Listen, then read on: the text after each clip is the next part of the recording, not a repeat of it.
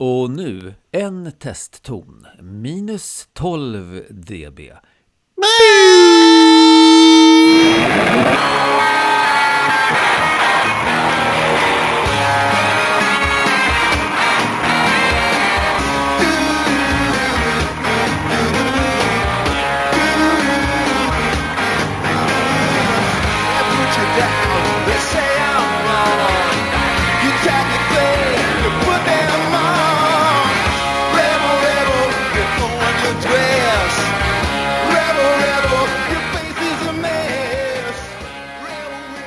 Vad ska vi namedroppa idag för några tänker vi?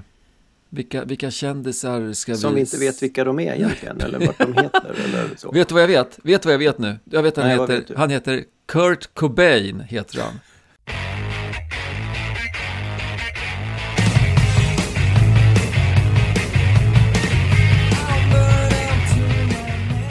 Whoop, whoop. Det är tre avsnitt senare bara. Vad heter låtskrivaren i Nirvana? Eh, har du fått tio av din fru nu igen? Ja, det har jag. Själv sitter jag här med en termos med kaffe. Eh, jag har skrivit så här. När fan var du kreativ då? Vi kan säga så här, bara för att liksom sätta lite, lite spets på det här med kreativiteten så har jag på mig ett par blå foppatofflor idag. Alltså, känn på den. Ja. Jag gjorde det nu. Du, du kände inte att Nej, jag gjorde faktiskt inte det. det är faktiskt du som ska inleda Jag det här vet. avsnittet. Ja, vad bra.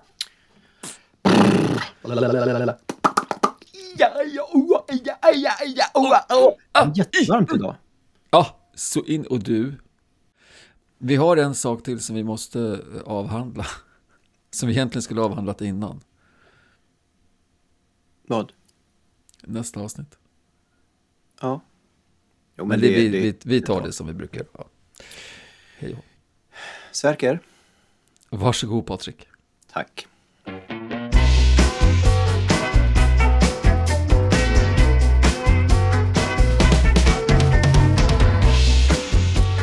Hej alla stora och små poddlyssnare och välkomna till min och Sverkers podd X betydelse för Y. Podden där vi med hjälp av en slumpmässig dragen lapp ur tvenne kuvert kommer på vad vi ska prata om nästa gång. Och nu är det nästa gång. Jajamän. Och då ska vi prata om, förlåt Sverker, du hade något där. Nej, jag bara, sa, jag bara höll med dig. Jajamän, sa jag. Ibland Ja. kan det vara skönt att man liksom fyller i varandra sådär lite grann bara. Ja, sällan har man ett jajamän betytt så mycket för så många. Eh, det här är i alla fall vårt eh, andra tonår som vi är på väg in i nu. Eh, Vi är på avsnitt nummer 14 Så, är det. och ikväll, idag, så ska vi prata lite grann om Iggy Pops betydelse för kreativitet. nu har du varit fin nog att, att presentera våran podd och eh, dagens avsnitt. Men eh, vilka är vi då? Eh, ja, men då tycker jag att i och med att jag har pratat rätt länge nu i starten så tycker jag att du kan börja berätta vem du är. Tack. Eh, Men jag heter då eh, Sverker Hemring och nu känner ni mig vid det här laget. Jag jobbar som kommunikatör, gör jag. Och eh, hänger just nu, som jag brukar göra, i Roslagen på ett landställe. Så det är jag. Vem är min bästa parhäst här då? Jag heter Patrik Kristoffer Lögdqvist, född Nilsson. Eh, jag jobbar i normala fall som Senior Training Specialist på Semcon. Ja. Eh, och jag säger detta till dig som lyssnar första gången. Och jag tycker det är jättekonstigt om du går in och lyssnar på avsnitt 14 för första gången. Stäng av nu, börja lyssna på Ossis betydelse för kreativitet och har du tagit igenom det avsnittet då finns det inga gränser sen. Då kan du göra vad du vill med ditt liv. Så kör vidare. Jag måste så bara ses en vi om 13 avsnitt. En liten rättelse. Det avsnittet heter då Ossys betydelse för pedagogik. Vad sa jag? Du sa kreativitet. Ja, Okej. Det Men här kommer bli ett jättebra avsnitt.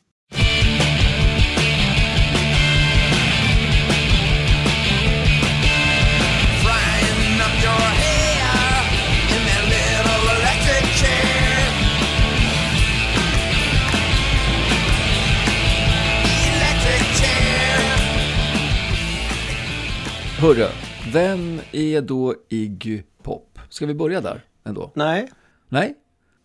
vi ska börja med att prata om vad kreativitet faktiskt är.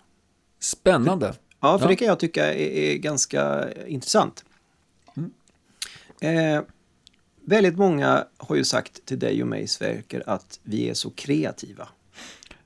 Ja, det har hänt någon gång i alla fall. Ja. Ja. Och, och det är inte alltid som man riktigt förstår vad människor menar när de säger det. Nej. Så. För Jaha. det är ju ofta så uppfattas ju kreativt som någonting, som någonting bra. Mm. Alltså att man Oftast. är, man, man, eh, man är idérik, man kan kläcka grejer. Just det. Fast jag får väl säga, och det, det vet jag inte, jag, jag tror att du håller med mig om det, att kreativitet innebär ju att kunna hitta på någonting som inte bara håller i fem minuter, utan som någonstans håller länge, länge, länge. Som Ja. man kan bygga, inte vet jag, en, en, en ny affärsidé för Handelsbanken eller en, en serie eh, lärarledda utbildningar som löper över flera år för ett stort globalt företag. Och jag kan ju tycka att det, det blir lite för, det är lite för lätt att säga att eh, kreativitet, det är någonting som bara kommer till en. Oj, vad du var kreativ som nu kom på den där idén. Det är inte riktigt så. Alltså, för att vara kreativ så krävs det ganska mycket arbete. För det har Det väldigt det. mycket med erfarenhet att göra och hur man kan koppla ihop saker. Eh, Ja. Alltså två av varandra kanske lite märkliga saker, hur man kan få ihop dem till en ny sak som då blir det här jävligt braiga som då kan leda till någonting under en rätt eh, lång tid. Så att nej, Mm. kreativitet har ingenting med att man bara får en, en, en blixt från klar himmel eh, Nej. att göra, tycker jag. För det har ju hänt rätt mycket Mm. när man får en idé. Utan Jag tänkte nämligen att vi rent fysiologiskt, kognitivt fysiologiskt skulle dekonstruera Ja. termen idé. Spännande, kör i vind. En idé då, vad är det? Jo, det är en plötsligt uppkommande tanke som ger en första överblick eller utgångspunkt över ett visst område eller för ett visst resonemang. Och då är det ofta en tonvikt på det nya eller originella och det kan jag tycka är jävligt roligt för att är det Ja. helt värdelöst och helt jättegabbat då känns det inte som det är en idé. Men i den här långa meningen då så fanns det ett litet ord, en plötsligt uppkommande tanke. Det är ju intressant. Mm, det För det. vad är då en tanke? Vad är en tanke? Mm. Jo, ja, men det är ju de det är ju de, alltså det är våra medvetna processer som vi har i, i, inne i huvudet. Liksom. Det, eh, vi har ju någonting som kallas för kognition som är någonstans den totala varseblivningen av vår eh, omvärld på något sätt. Okej, Ja, och, och eh, där, när man då säger att, när man pratar om tanke, då är det typ, det är ju sådana här processer i hjärnan som är kopplade till minnet eller föreställningar och förståelse av de så kallade sinnesintrycken då. Och tänkandet behandlar den informationen som vi får i oss, som vi någonstans suger upp. just det. Och så, och så löser vi problem och så fattar vi beslut. Ja. Eh, så. Sen finns det ju någonting annat då som kallas för perception, Mm. Det som man upplever. sinnesintrycken. Så, så handlar ju tänkandet då om hur man förstår och hur man blir medveten om de här intrycken. Och där är det precis som du sa tidigare, en idé är ju inte bara att man är liksom lite ohö, kolla nu kommer jag på det här, utan det är ju faktiskt att man har en massa olika erfarenheter och kunskaper som gör att man kan skapa idéer. Mm. Visst. Om vi går ett steg längre ner då, så kommer vi till det ordet som jag pratade om tidigare, eh, perception. Yes. Det är alltså hur man hanterar sinnesintryck. Och perception då, det är ju den samlingprocessen i hjärnan som tolkar informationen från sinnena. Okej. Alltså, man ser föremål, man upplever saker, man läser någon prata med en. Mm. Och allra, nästan alla längst ner då, så undrar man ju då, okej, vad är det för information? Jo, då kallar man det för en förnimmelse. Det är alltså någonting som retar sinnesorganen. Alltså du känner, Okej. du känner lukt, du smakar på en morot, du, du trampar på en spik. Du får kallt vatten på dig eller någonting sånt där. Japp. Och de här allra, allra längst ner då så har man då, vad är det som skapar en förnimmelse? Ja, det är ju en retning av någonting. Och det är egentligen, allt det här som vi tittar på nu, det är väldigt, väldigt likt eh, digital data eller information. För att egentligen Jaha. så är det så att en datormaskin är i princip uppbyggt på ungefär det här sättet. Jaha. Oj. Det är lite fräckt. Ja, för att en, en datormaskin, den har ju väldigt lite eh, känslor någonstans. Ja, eh, det har den. Och, och det är lite, vi är inte riktigt där att vi har datorer som kan bli sura på oss för att vi inte gör som de tycker. Ibland undrar man ju om det inte kanske är så. eh, Ja, jag, jag är ju helt övertygad om att AI har redan slagit igenom det. För att jag tror att intelligens, det har att göra med att man, kan, att man har humor. Jaha. Och tittar man Ja, på ja. rättstavningsprogrammen som finns idag så har ju AI fu- fu- funnits i flera år. Ja, länge kan vi säga. Då, för det Länge. är väldigt kreativt inne där i rättstavningsprogrammen. Ja, men i alla fall, det, jag tycker det är lite fräckt att man säger att eh, en retning, det är något som når någon form av informationsbehandlande enhet som vi har via våra sinnen då. ja. Alltså det som man kallar egentligen dataingångarna. Just Det leder till en förnimmelse som leder till en perception, Ja. som leder till en tanke, Ja. som kan leda till en idé då. Ja, det är, vilken fin kedja du har fått ihop där, måste jag säga. Eller hur? Ja, Och vad jävla tid det tog att berätta den kedjan då. ja, ja men våra, våra lyssnare, de har all tid i världen, för de lyssnar ju faktiskt på en av de roligaste, intressantaste och mest kreativa poddarna som finns. We have all the time in the world. Ja, och kanske anonymast också. Eh, ja, ja, ja, men eh, som sagt var, vi är bara inne Mm. på det 14 avsnittet. Vi ger oss lite tid bara alltså. Jag menar det. Ja, ja. Hörru du, nu Ja. har jag fått mina första åtta minuters fame här. Eh, ska du Ja, prata det. lite grann om vad våran kreatör är för en prick egentligen då?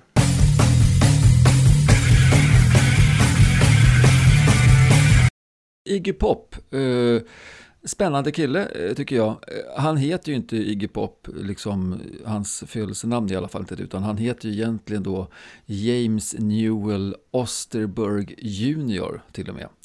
Eh, Ja. ja, det är där junior är alltid viktigt, i alla fall för vissa amerikaner. Oerhört ibland. nöjd man är som förälder när man har sagt Mm. det här blir det alltså. Vilken här- idé. Precis. Eh, men han är född i april eh, 1947 eh, i USA. Han var ju med och grundade ett band som hette The Stooges.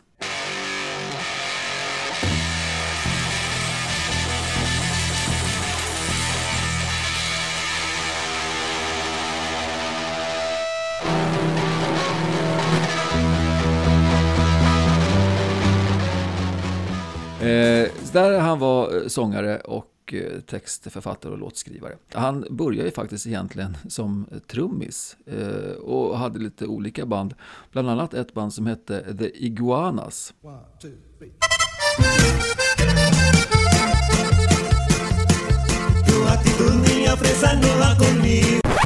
It's untrue. This is not true. This is not true. Och det är därifrån som själva namnet Iggy kommer. Det var att eh, han spelade trummor i det bandet. Eh, så, Iguanas. Eh, så, så att eh, han drog igång, eh, ja de var väl tonåringar och eh, drog igång med det här Stooges och blev rätt kända med deras, framförallt deras, framförallt med deras album Raw Power som har influerat eh, många eh, liksom andra punkband eh, eh, som har kommit efter dem. I'm a with a full of. I'm a runaway son of the nuclear I am the world's forgotten boy, Eh, och sen har han ju, han har hållit på med sitt eh, punkrockande Ja. eh, ända fram till nu. Han fortsätter att köra. Och nu är det inte så mycket vare sig punk eller rock, eller det är det väl också, men han har testat på en massa olika saker och det kommer vi kanske in på lite senare. Han har testat på väldigt många olika saker. Inte bara olika musikgenrer kan man väl säga. Nej, verkligen. Eh, Om jag får lägga till några saker. För han, Det här avsnittet kommer ju mer att handla om vad Iggy har gjort. Kanske mer än vad han har sjungit och spelat in. Hur? För han är en väldigt kreativ person i väldigt många sammanhang. Eh, han var ju väldigt kreativ exempelvis när han och Stooges bodde i Ann Arbor. För då höll de ju på och experimenterade rätt hårt med droger. och vilka, eh, vilka eh, möjligheter man hade att få ut bra ljud ur eh, dammsugare.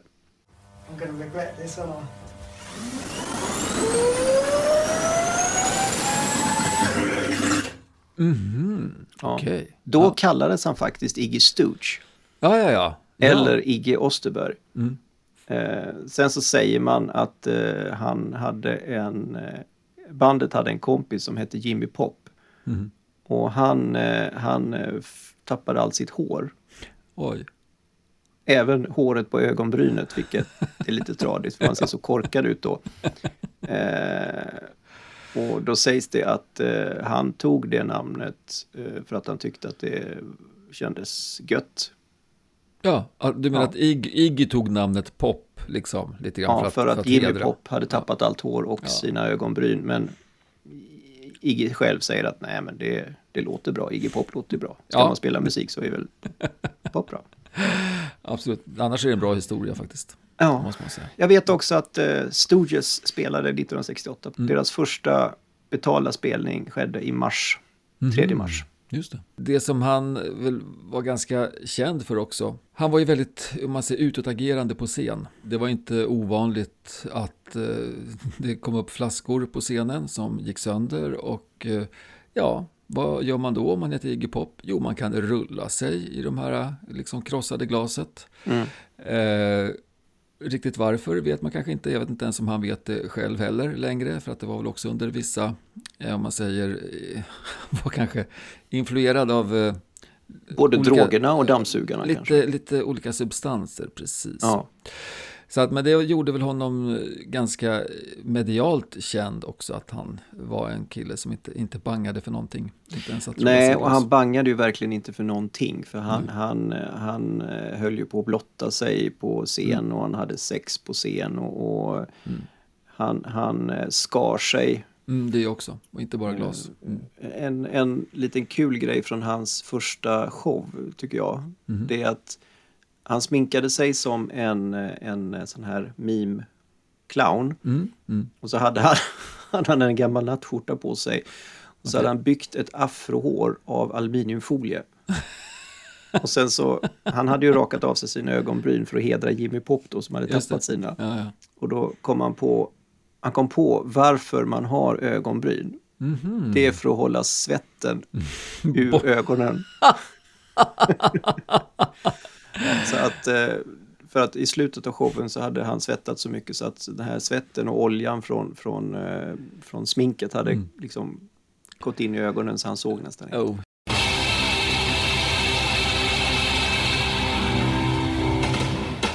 Stackarn. Bra ja. show, den ska Ja. man ha varit med. Ja men absolut, och kul att man nu äntligen då har fått eh, lite klarhet i varför man har ögonbryn.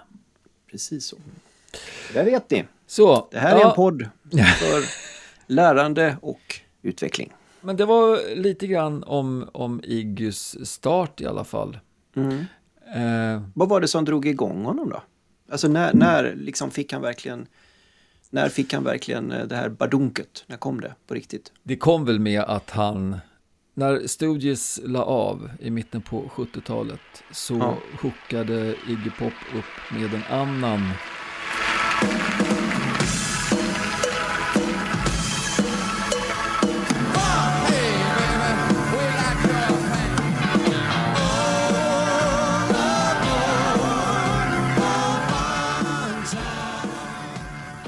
De träffades nere i Berlin, eller de tog i alla fall till sin tillflykt till Berlin, där de började göra musik. Ja, de träffades i New York. De träffades i New York precis, men Ja. att de sen drog iväg till Berlin. Där hjälpte ju då eh, Bowie både skrev låtar eh, och producerade den första Iggy soloplattan som då blev The Idiot. Ifrån The Idiot då, så kommer ju den här äh, låten China Girl med Iggy. Mm. Som, han får en hyfsad hit med den.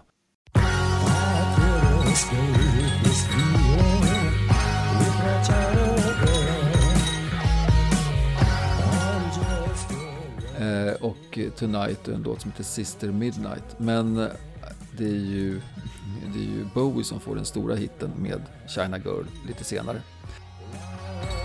mess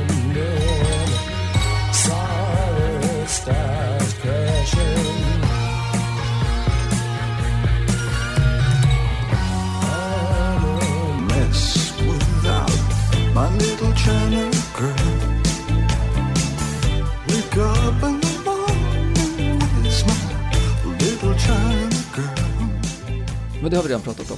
Men eh, The Idiot blir, den blir hyfsat, eh, han blir hyfsat känd för det, Iggy. Men Mm. det är ju med plattan Lust for Life som kommer 77 som han tar rockvärlden, eller lägger rockvärlden för sina fötter.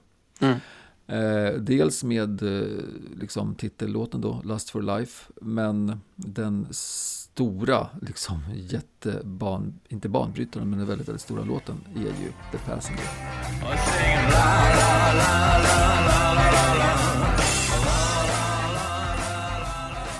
Jag är lite imponerad av att de klarar av att trycka ur sig så galet mycket musik som de faktiskt gör under de här två åren. Mm.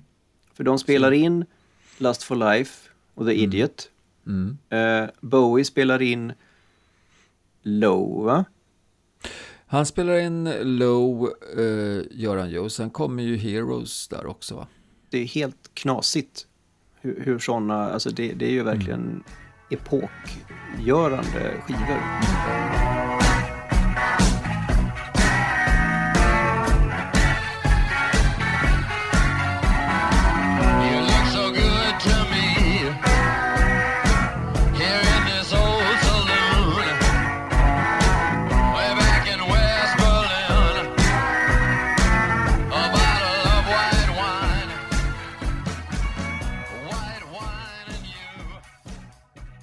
Det här med, med kreativitet då.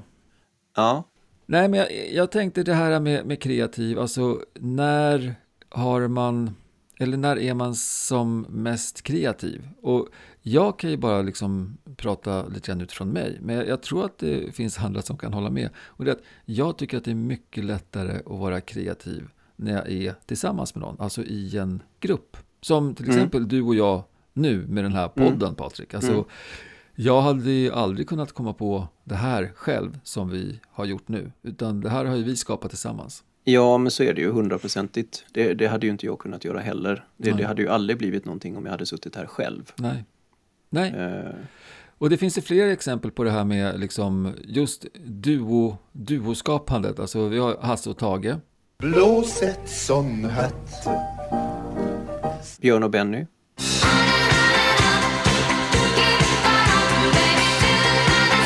Vi har Nancy och Karina. Icona Pop.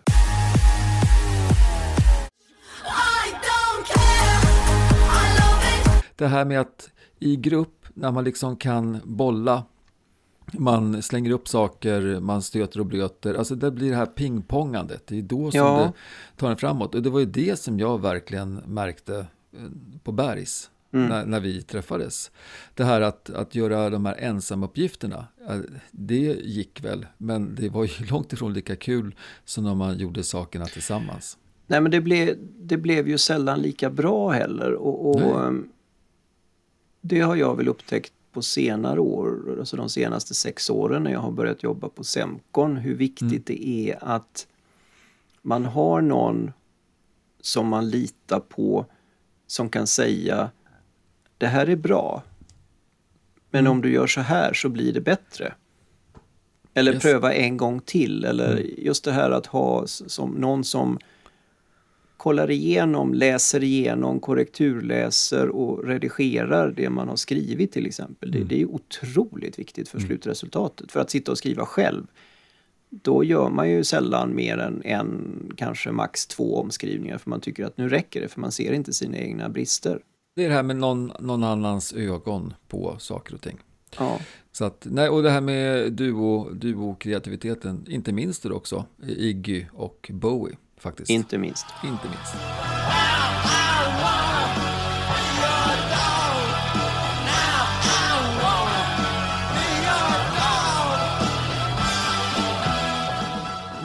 Men, men, Patrik, det här Mm. med dualitet i, i all... Men när, när kände du själv då, liksom på, på egen hand? När, när var du kreativ själv på egen hand? Så? Sist. Nej, bara så. När, när kände du att, ja ah, men det här, fan nu var jag kreativ? Ja, alltså jag får säga som så här. Förutom de senaste sex åren som training specialist som jag har varit, som faktiskt har varit ett, tycker jag, en oerhört kreativ period i mitt liv. Eh, bland annat därför att jag har haft så himla duktiga kollegor och kunna vara kreativ med, precis som du säger. Så eh, gjorde jag faktiskt en nyårsrevy 91 till 92 som jag tyckte var ganska kreativ. Okej, vad kul. Eh, där jag skrev mycket texter och Ja. eh, låtar och, och, och så spelade vi ju den. Och den, den, eh, den hade väl ungefär samma publik som den här podden tror jag. Vi var, vi var, så ja. Ja, premiären tror jag faktiskt vi var 18 stycken och sen så spelade vi för tre personer en gång.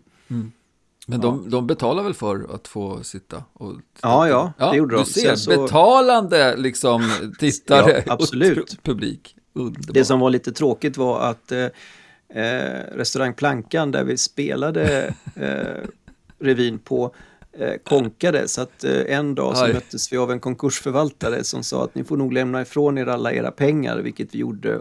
Oj. Sen drog den konkursförvaltaren och ersattes av en annan. Nej.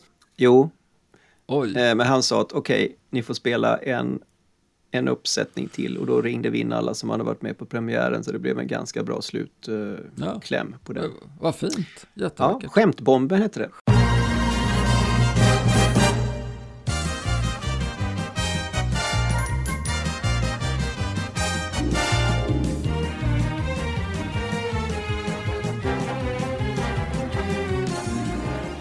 Skämtbomben. Ja. Yes. Vad kul. Så det, det, det, var, det var mina, tycker jag, två Mm. stora kreativa perioder. Schysst. Och du då?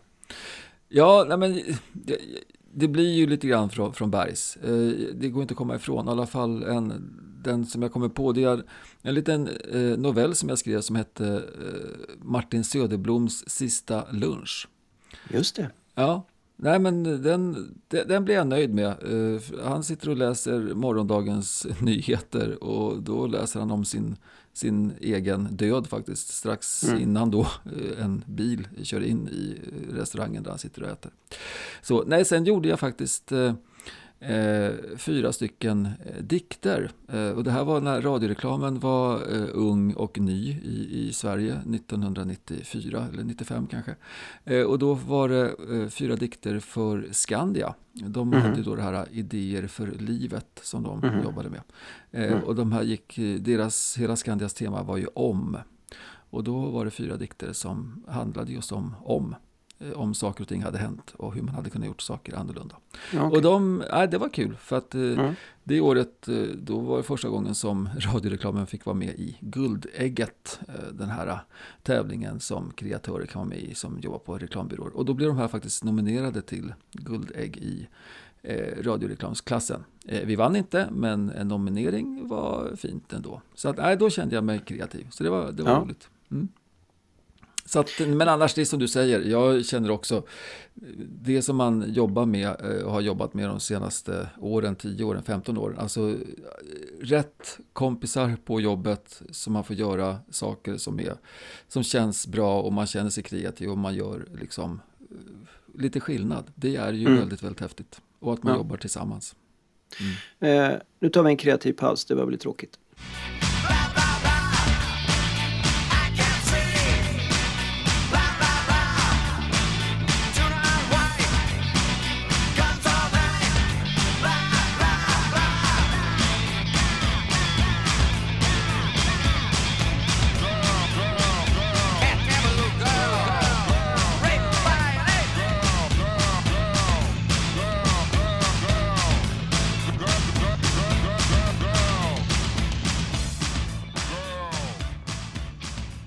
Men du, eh, Iggy, liksom när, vad, vad, vad har du för relation till honom? När, när hörde du honom första gången liksom?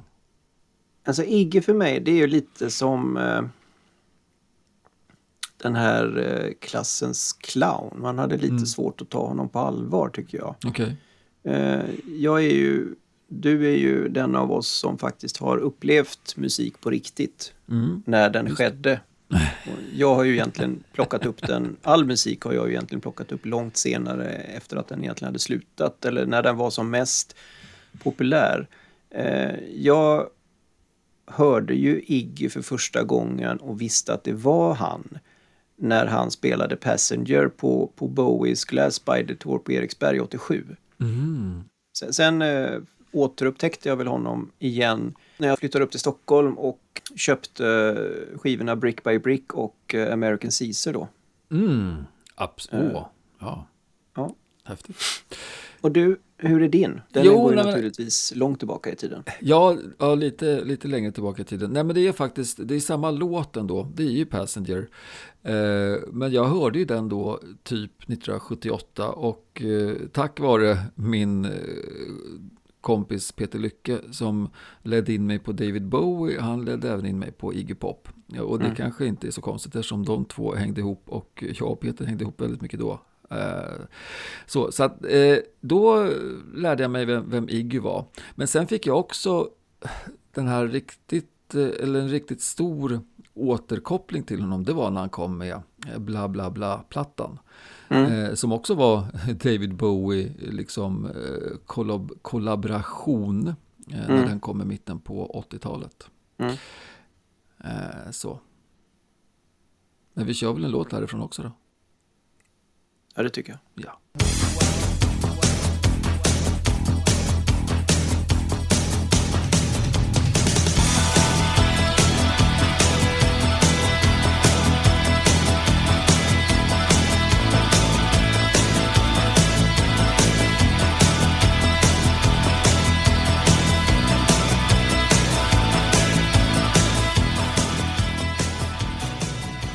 Bra låt! Utan tvekan en riktig stänkare. Det är också. Ja. Ja. härligt. Men du, jag... eh, Vi hade ju det här med liksom de 20 liksom, största uppfinningarna eh, eller kreativa händelserna för mänskligheten. Liksom. De största. Ja, du menar uppfinningarnas, uppfinningarnas relation till kreativitet? Ja, men det kan man väl säga på något vis. Ja, men Jag här- vet att jag hade den, fast jag tycker den är skittråkig. Jag kom på något mycket roligare. Vi ska Okej. ha en eh, Ja. tävling!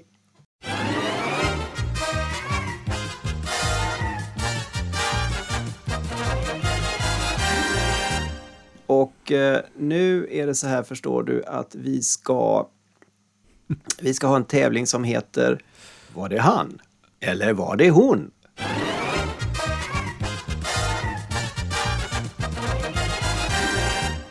Eh, vi gör så här.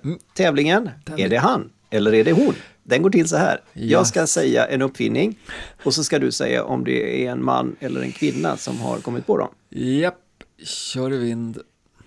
Nummer ett. Livbåten. Eh, jag säger man. Det är fel.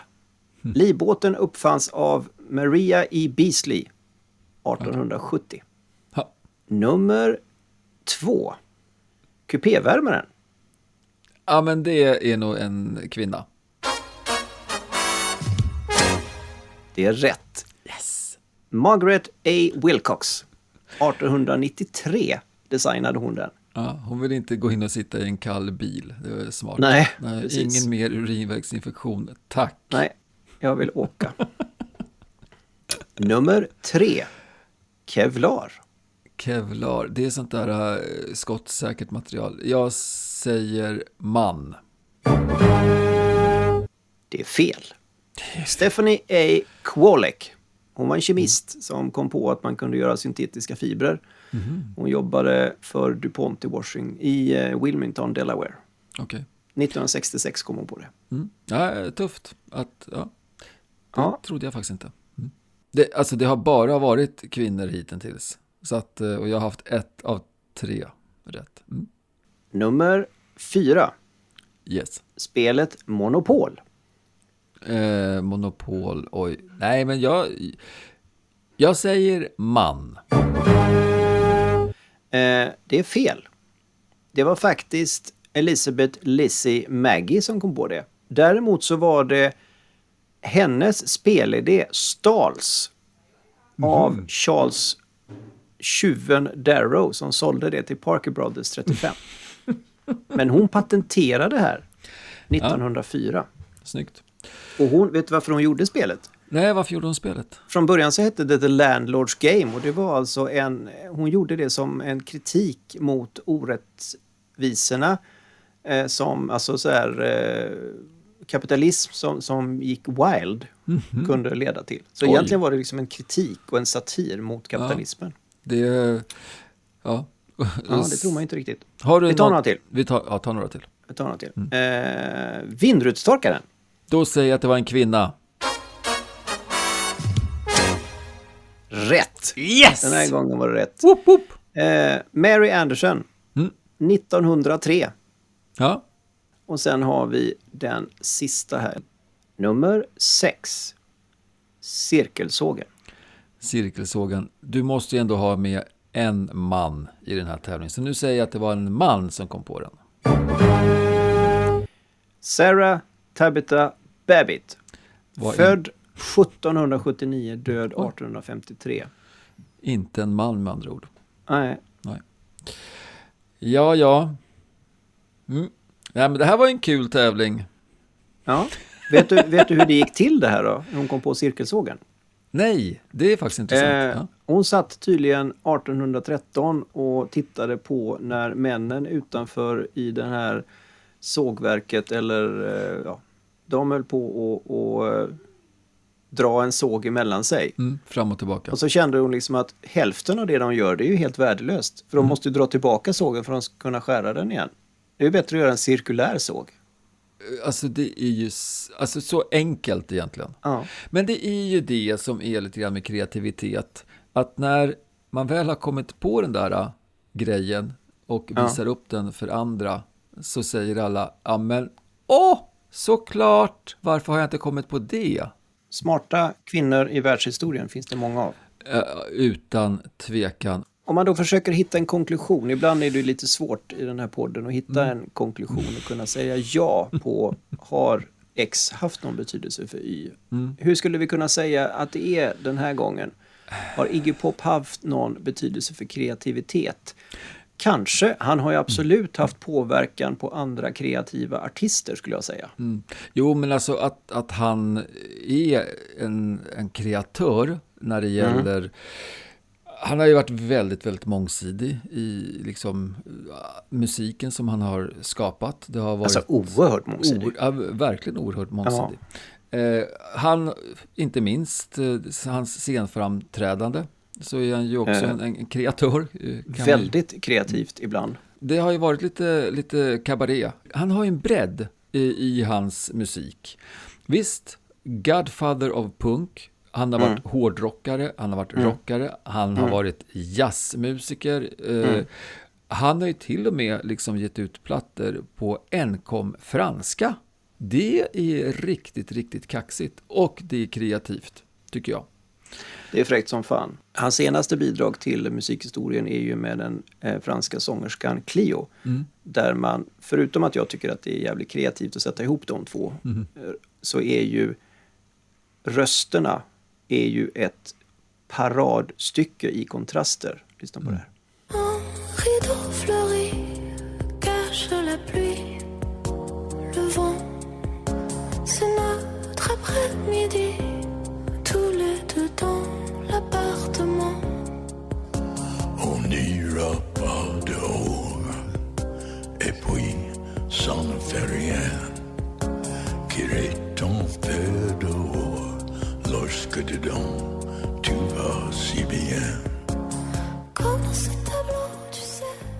Alltså hon, hon är ju så spröd så att Det är så häftigt. alltså nästan rör man sig när hon sjunger så går rösten sönder. Och så kommer han, han är ju liksom en förkyld bakfull Leonard Cohen motsvarande. Ja, ja, men, Och- ja. Och ingen kan sjunga franska sämre än vad han kan tror jag. Nej, det så, så kan det vara. Men just det här du säger att här låter han som Leonard Cohen. Han, det finns ju andra låtar där han har låtit som andra. Alltså dels kan han ju låta som David Bowie. Calling Sister Midnight. You got me reaching for the moon. Han kan låta som Alice Cooper.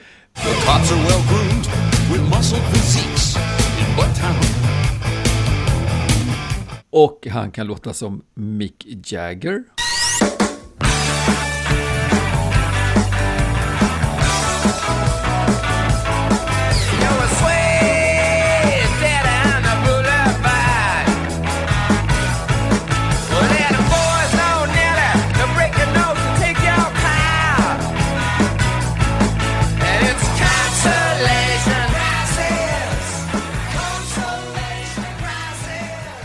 Så att, ja, det är häftigt. Han, han, han är ju ganska bred när det gäller sin, sin sång också. Sen har ju han, han har ju påverkat många eh, musikanter. Eh, inte Ja. minst eh, Sex Pistols. Eh, Kurtan. Kurtan i Nir- Nirvana, som vi nu vet heter Kurt Cobain, jättebra. Eh, The Smiths eh, också. Sen har vi ju inte minst en annan punkare, Billy Idol. Har han ju påverkat jättemycket och Billy Idol Mycket. har jag upptäckt nu att han låter väldigt mycket som Iggy. Eh, Ja, det gör han verkligen. Det är nästan så att man tror att Iggy låter som Billy, men det är nog faktiskt tvärt, tvärtom. Det tror jag också. Ja, tror jag. Eh, Sen Susie Sue, Susie and the Banshees, hon, hon tycker ju att Iggy är ett geni. Det Ja. har hon ju sagt flera gånger. Ja, det har ju, har ju hela, hela kvartetten i Red Hot Chili Peppers också gjort. Och de har ju dessutom gjort eh, covers på Ja. både Stooges-låtar och även faktiskt Iggy Pop-låtar.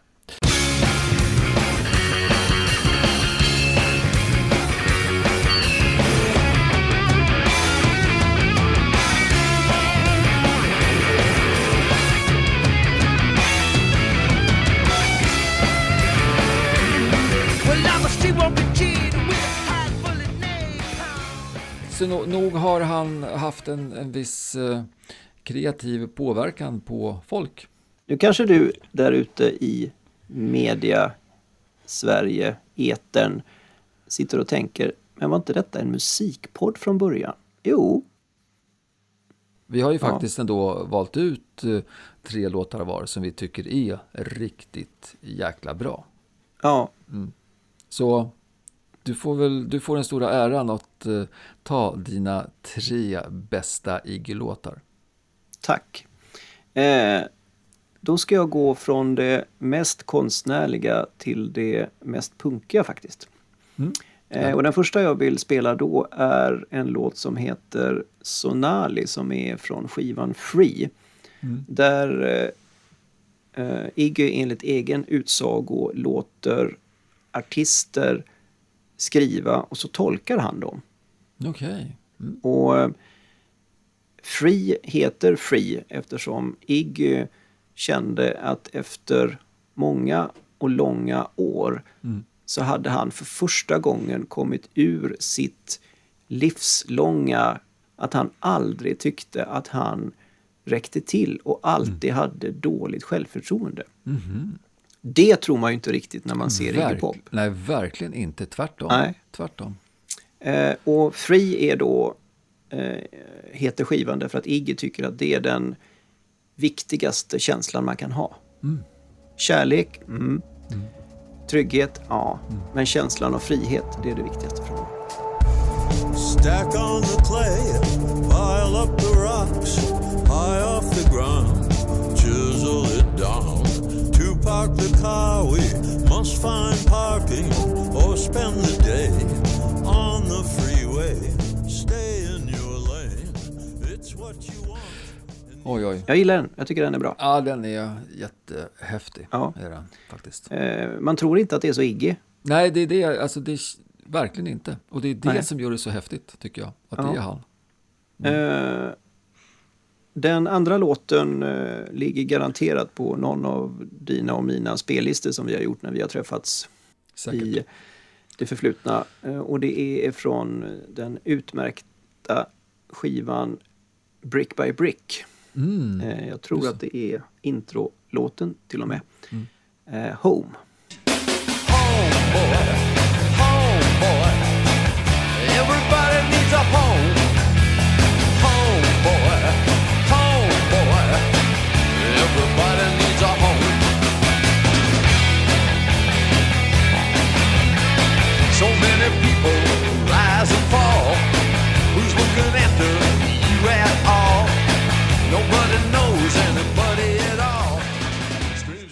Ja, det där är en stänkare du. Det är det. Verkligen. Eh, och, och det är en, eh, ska man säga, en liten arg, liten, eh, lite, ja, men lite ilsk Ja. Iggy på något sätt. Ja. Eh, avslutningsvis då, Yes. eh, det råaste och punkigaste Mm. eh, exemplet i min lilla trio där. Det är från American Caesar, då var han sur på riktigt. Mm, det var han. Har skrivit en del på skivans omslag. Mm. Som är i princip att eh, ja, jag har gjort det här. Du kan eh, tycka om det eller dra åt helvete. Jag skiter Mm. i vilket. Jag är trött på det här nu. Nu kör vi. eh, och så kör han eh, med den här.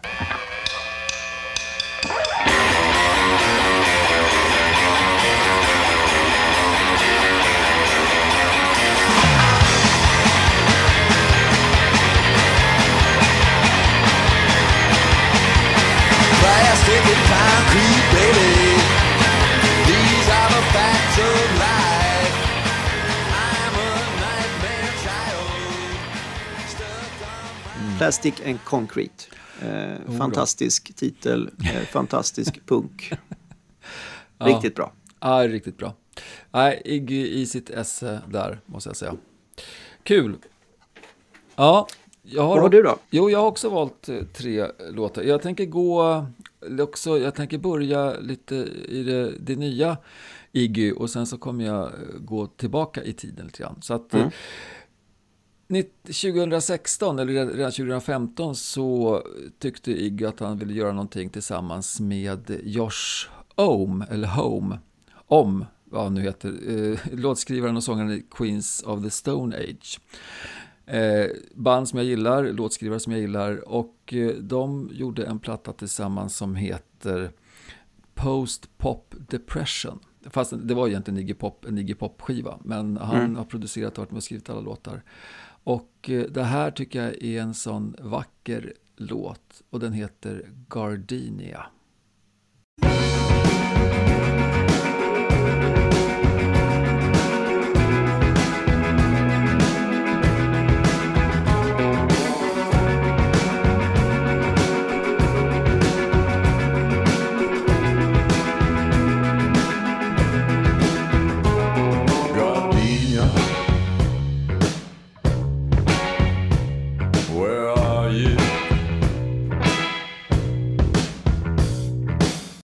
Alltså det här är en, det är en spröd, snygg Iggy i en fantastisk fin förpackning av Mr Josh produktion liksom. Jag tycker det är fräckt att en person som har en sån... Han, han, hans, det, det är svårt att sätta ord på hans röst för den är så, den är så tung och, och, och inte seg men den är så fyllig.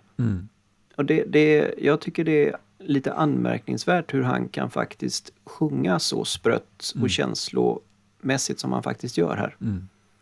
Och ändå så har han, har ju sitt eh, djup hela tiden i, Ja. rösten också. Nej, det är häftigt. Eh, och min andra, andra val är faktiskt en helt diametralt annorlunda låt jämfört med det här. Och det är från plattan Party. Eh, och låten är bara 2 och 19 lång. Den är på andra sidan. För det var då man köpte vinylskivor, kompisar och lyssnare där ute. Och den heter Happy Man. I'm her only man,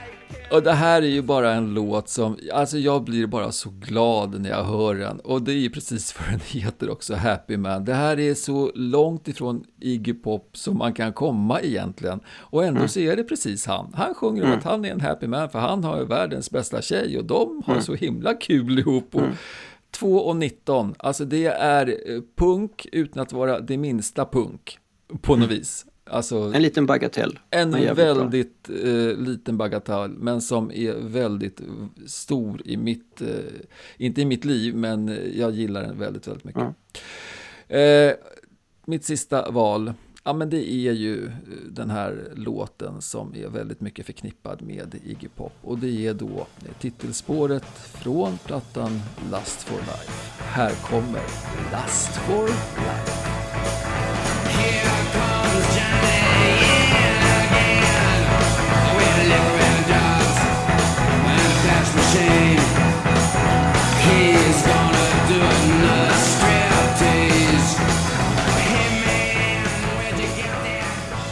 Alltså det här är ju Iggy för mig. Alltså förkroppsligad. Och eh, låten, eh, det går inte att sitta still. Man, eh, foten går igång direkt. Och det är, jag kan tycka, den är lite för lång. Det är lite kill your darling-varning på den. Men eh, det här är Iggy Pop, liksom eh, rakt upp och ner. Hela vägen.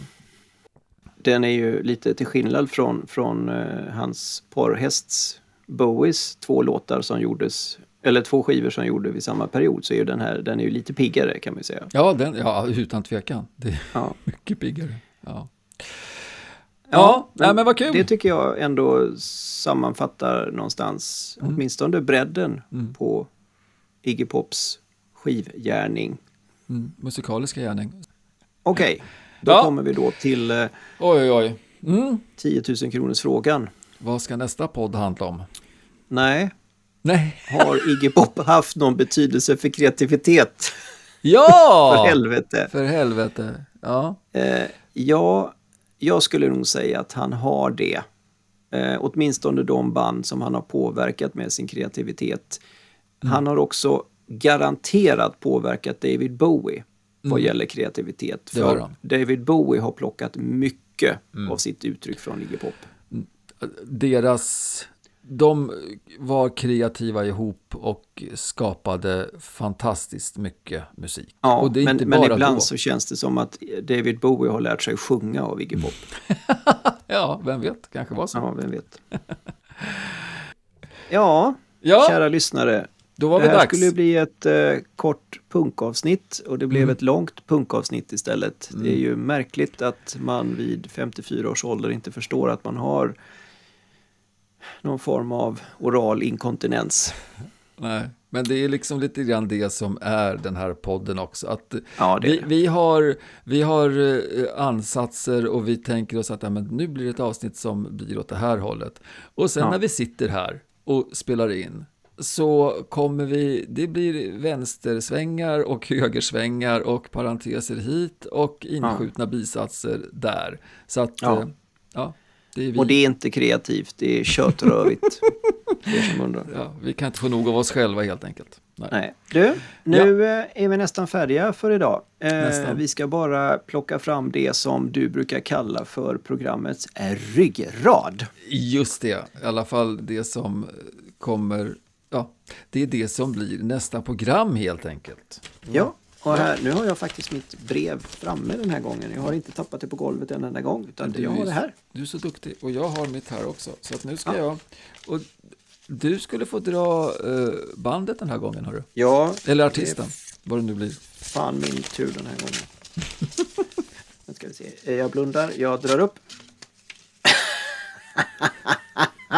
det här. Åh, nice! Okej. Vad nice it. Mm. Eh, Okej. Mm. Kära lyssnare. Mina damer och herrar, barn. Nästa avsnitt av podden X betydelse för Y, nummer 15, kommer att heta trumvirvel. Sweets betydelse för Estetik!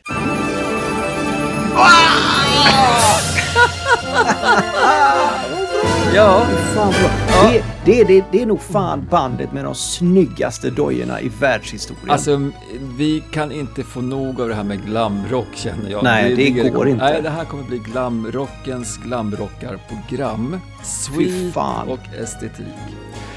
Ja, äh, Vi ska bara lite- hitta, nästa gång ska Ah. vi bara fan Mm. hitta låtar och nästan inte prata någonting. Nej, vi, åh, det blir så bra med massa ballroom blitz och action och... eh, Ja, det här blir fint. Nice. En, eh, Vet du vad, vet du vad ja. vi gör? Då, då tar vi ett sånt här avsnitt där vi, där vi går från början till slut. All in.